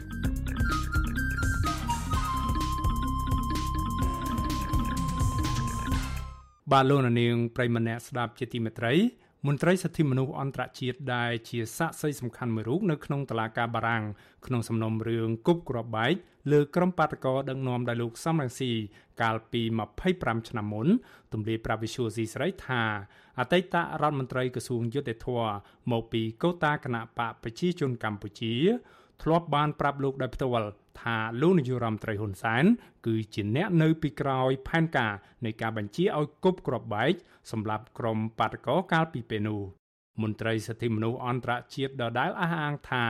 អតីតរដ្ឋមន្ត្រីយុទ្ធភ័ពនោះបានខឹងសម្បាយ៉ាងខ្លាំងជាមួយនឹងលោកនាយរដ្ឋមន្ត្រីហ៊ុនសែនដែលបានបង្កើតព្រឹត្តិការណ៍នេះឡើង បាទជាបន្តទៅទៀតនេះសូមអញ្ជើញលោកនាងស្ដាប់បទសម្ភាសភាគទី2ជាមួយនាយកទទួលបន្ទុកកិច្ចការតំបន់អាស៊ីនៃអង្គការឃ្លាំមើលសិទ្ធិមនុស្សអន្តរជាតិ Human Rights Watch លោក Brett Adams ជុំវិញរឿងរ៉ាវនៃព្រឹត្តិការណ៍គប់គ្រាប់បែកលើក្រុមបាតកោដឹកនាំដោយលោកសំរងស៊ីកាលពីថ្ងៃទី30ខែមីនា ឆ្នាំ1997ដូចតទៅ បាទ ក្នុងនាមលោកជាសាក្សីផ្ទាល់ផ្នែកមរូកដែលបានឃើញនៅរឿងរ៉ាវព្រឹត្តិការណ៍នោះឡើងសូមលោកជួយរៀបរាប់ត្រួសត្រាសបន្តិចមើលពីភាពមិនប្រក្រតីមួយចំនួនដែលលោកបានសង្កេតឃើញកាលពីពេលនោះបាទបាទកាលព្រឹកនោះមានមនុស្សប្រមាណជា2ទៅ300នាក់ដែលបានចូលរួមធ្វើបាតកម្មនោះលោកសំរងស៊ីកាលនោះបានរៀបចំបាតកម្មជាបន្តបន្ទាប់ហើយភាគច្រើននៃសំណើបាតកម្មរបស់លោកអាញាធរតែងតែបដិសេធ ក៏ប៉ុន្តែនៅថ្ងៃនោះបាតកម្មដែលលោកស្នើឡើងត្រូវបានអនុញ្ញាតឲ្យធ្វើពីក្រសួងមហាផ្ទៃវាជារឿងគួរឲ្យភ្ញាក់ផ្អើលដែរពេលព្រឹកនោះខ្ញុំកំពុងនៅផ្ទះស្រាប់តែខ្ញុំបានទទួលទូរស័ព្ទមកប្រាប់ថា មានការបោកគ្រាប់បែកនៅមុខអគាររដ្ឋសភាហើយគេបានប្រាប់ខ្ញុំឲ្យប្រញាប់ទៅទីនោះខ្ញុំក៏ធ្វើដំណើរទៅដល់ទីនោះប្រមាណជា10នាទីក្រោយមក នៅពេលដែលខ្ញុំទៅដល់ទីនោះខ្ញុំឃើញមានសាកសពមនុស្សដេកស្ដុកស្ដឹងនៅលើបរិវេណសួនច្បារមុខអគាររដ្ឋសភា វាគឺជារឿងរ៉ាវដ៏គួរឲ្យរអើមបំផុតដែលខ្ញុំមិនដែលធ្លាប់បានឃើញក្នុងមួយជីវិតរបស់ខ្ញុំបើទោះបីជាក្នុងនាមជាអ្នកធ្វើការផ្នែកសិទ្ធិមនុស្សខ្ញុំធ្លាប់បានឃើញរឿងរ៉ាវខ្លោចផ្សាជាច្រើនក៏ដោយ ខ្ញុំបានឃើញធ្លុកឈាមស្ទើរតែគ្រប់ទីកន្លែងហើយមនុស្សម្នានាំគ្នាស្រែកដង្ហើយរកជំនួយសង្គ្រោះបន្ទាន់ដើម្បីដឹកអ្នករងរបួសទាំងនោះទៅមន្ទីរពេទ្យប៉ុន្តែអ្វីដែលខ្ញុំបានឃើញហើយក៏មិនខុសពីអ្វីដែលមនុស្សភាគច្រើនបានឃើញដែរគឺថាកងកម្លាំងសន្តិសុខបានតម្រូវឲ្យមនុស្សចេញឲ្យឆ្ងាយពីអ្នករងរបួសដោយថែមទាំងគំរាមពួកគេទៀតផង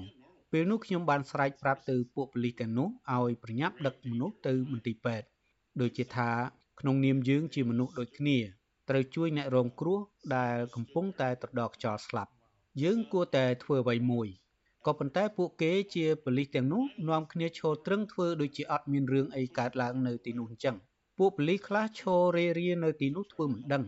រីឯប៉ូលីសខ្លះទៀតបែរជាទៅរារាំងអ្នកដទៃមិនឲ្យចូលទៅជួយជនរងគ្រោះទៀតផងពេលនោះហើយដែលខ្ញុំចាប់ផ្ដើមគិតថាទំនងជាអាញាធរអាចជាប់ពាក់ព័ន្ធក្នុងរឿងបោកក្របបែកនេះហើយ ហេតុអីបានជាពួកគេរារាំងកុំឲ្យមនុស្សចូលទៅជួយសង្គ្រោះជនរងគ្រោះដូច្នេះយើងក៏ទទួលបានដំណឹងមកភ្លាមភ្លាមដែរថា នៅរវាងសួនច្បារនិងតំបន់55នៃផ្ទះរបស់មន្ត្រីបកប្រជាជន មានវត្តមួយនៅខាងក្រោយសួនច្បារនោះ មានផ្ទះលោកហ៊ុនសែនផ្ទះលោកហេងសំរិន និងផ្ទះរបស់មេមេគណៈបកប្រជាជនកម្ពុជាជាច្រើនទៀតនៅទីនោះដែរយើងដឹងថាកងពលតូចលេខ70របស់កងអង្គរៈលោកហ៊ុនសែន ត្រូវបានគេដាក់ពង្រាយនៅខាងក្រោយសួនច្បារនោះកាលពីពេលនោះនេះគឺជាលើកទី1ហើយដែលកងអង្គរៈរបស់លោកហ៊ុនសែនមានវត្តមាននៅក្នុងពេលមានបាតកម្មយ៉ាងដូចនេះគ្មានហេតុផលអ្វីទាល់តែសោះដែលពួកគេត្រូវតែបង្ហាញខ្លួននៅទីនោះនៅថ្ងៃនោះលើកលែងតែថាមនុស្សដែលជាអ្នកគប់គ្រាប់បែកហើយបានរត់សម្ដៅទៅរកក្រុមកងអង្គរៈទាំងនោះដើម្បីឲ្យពួកគេបើកផ្លូវឲ្យខ្លួនអាចឆ្លងកាត់តំបន់ខ្សែត្រៀមចាំការពារទាំងនោះហើយអាចរត់គេចខ្លួនបាន មនុស្សដែលព្យាយាមរត់ដេញតាមអ្នកគប់គ្រាប់បែកទាំងនោះត្រូវបានកងអង្គរៈទាំងនោះបញ្ជាឲ្យឈប់រត់តាមទាហានទាំងនោះថែមទាំងបានភ្ជុំកំភ្លើងដាក់ពួកគេទៀតផងដោយបាននិយាយថាបើពួកគេនៅតែហ៊ានរត់ដេញតាមទៀតនោះគេនឹងបាញ់អ្នកទាំងនោះ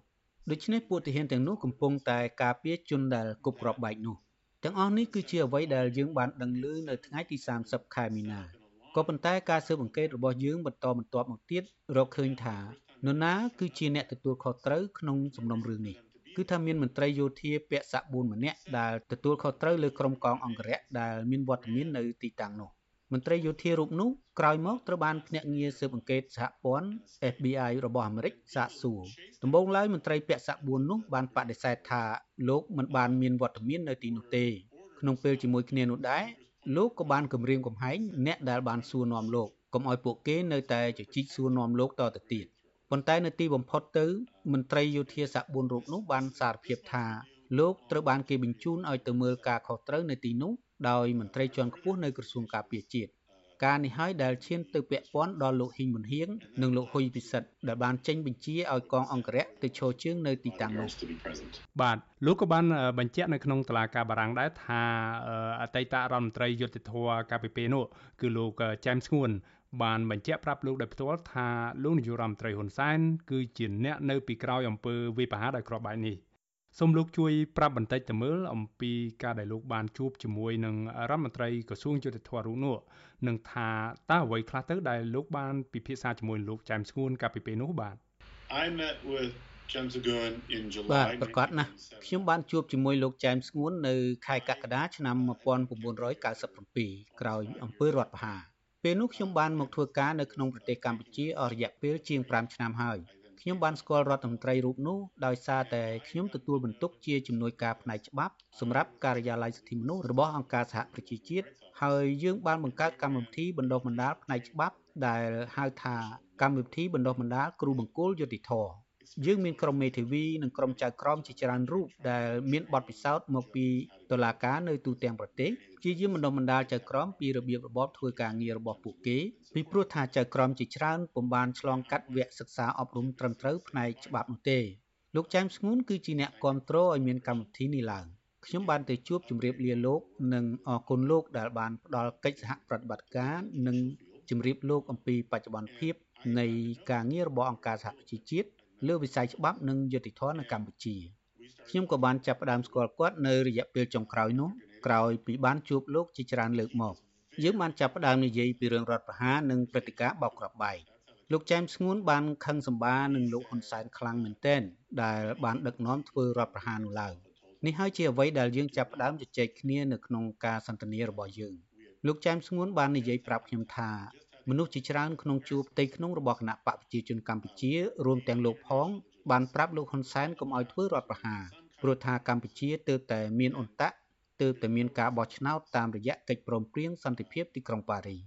កម្ពុជាទើបតែចាប់ផ្ដើមទទួលបានការទទួលស្គាល់ស្របច្បាប់ឡើងវិញពីអន្តរជាតិនិងកម្ពុជាកំពុងបោះជំហានក្នុងផ្លូវមួយឆ្ពោះទៅរកលទ្ធិប្រជាធិបតេយ្យតាមរបៀបមួយ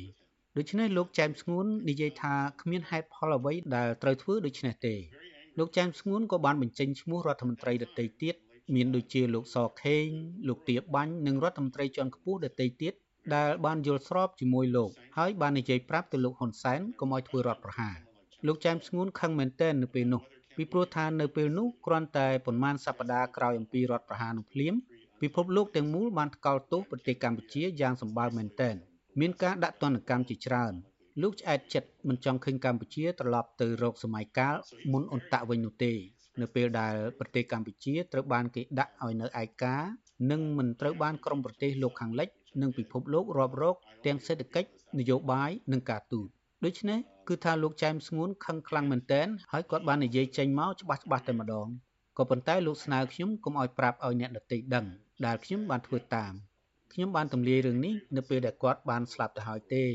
បន្ទាប់មកលោកចែមស្ងួនបាននិយាយដល់អំពើវាយប្រហារដោយគ្រាប់បែកខ្ញុំបានសួរនាំគាត់អំពីរឿងនេះហើយលោកបាននិយាយថាលោកក៏ខឹងសម្បានឹងលោកហ៊ុនសែនដែរដែលបានបញ្ជាឲ្យធ្វើដូច្នេះ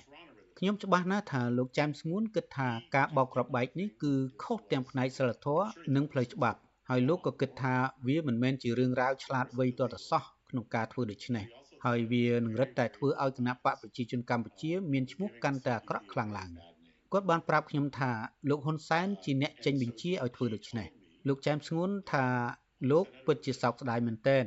ខ្ញុំគិតថាលោកចែមស្ងួនអាចគិតថាលោកនឹងមិនយល់ទាស់ទេប្រសិនបើគេបញ្ជាឲ្យចាប់ខ្លួនលោកសំរងស៊ីកាលពីពេលនោះជុំវិញរឿងរ៉ាវដូចជាថាលោកសំរងស៊ីបានដឹកនាំរៀបចំបាតកម្មដោយខុសច្បាប់ជាដើមប៉ុន្តែលោកចែមស្ងួនមិនមែនជាមនុស្សសេរីនិយមអីនោះទេលោករៀងសេរីជាងបើប្រៀបធៀបនឹងលោកហ៊ុនសែន លោកគ្រាន់តែជាមេដឹកនាំនិងជារដ្ឋមន្ត្រីក្រសួងយុតិធម៌មួយរូបរបស់គណៈបកមួយដែលមិនជឿលើលទ្ធិប្រជាធិបតេយ្យខ្ញុំបានសួរគាត់ថាតើគាត់ដឹងថាលោកហ៊ុនសែននៅពីក្រោយការបញ្ជាគប់ក្របបែកនោះដោយរបៀបណាក៏ប៉ុន្តែលោកមិនបានប្រាប់ខ្ញុំទេបាទសូមអរគុណលោកបាទបាទអរគុណ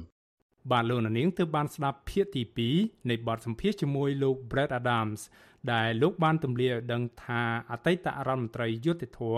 កោតាគណៈបកប្រជាជនកម្ពុជា គឺលោកចែមស្ងួនធ្លាប់ប្រាប់លោកដោយផ្ទាល់ថាលោកហ៊ុនសែនគឺជាអ្នកនៅពីក្រោយការបញ្ជាឲ្យបោកគ្រាប់បែកសម្រាប់ក្រុមបាតកោកាលពី25ឆ្នាំមុន បាទសូមអញ្ជើញលោកនាងរងចាំស្ដាប់ភាគទី3ដែលជាភាគបញ្ចប់នៃបទសម្ភាសន៍នេះនៅក្នុងកម្មវិធីផ្សាយរបស់យើងនាលើកក្រោយ បាទសូមអរគុណ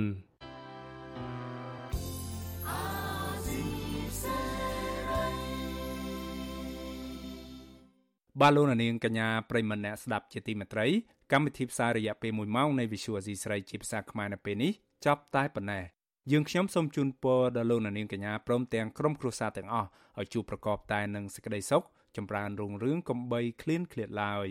ខ្ញុំបាទមេរិតព្រមទាំងក្រុមការងារទាំងអស់នៃវិសុយអសីស្រីសូមអរគុណនិងសូមជម្រាបលា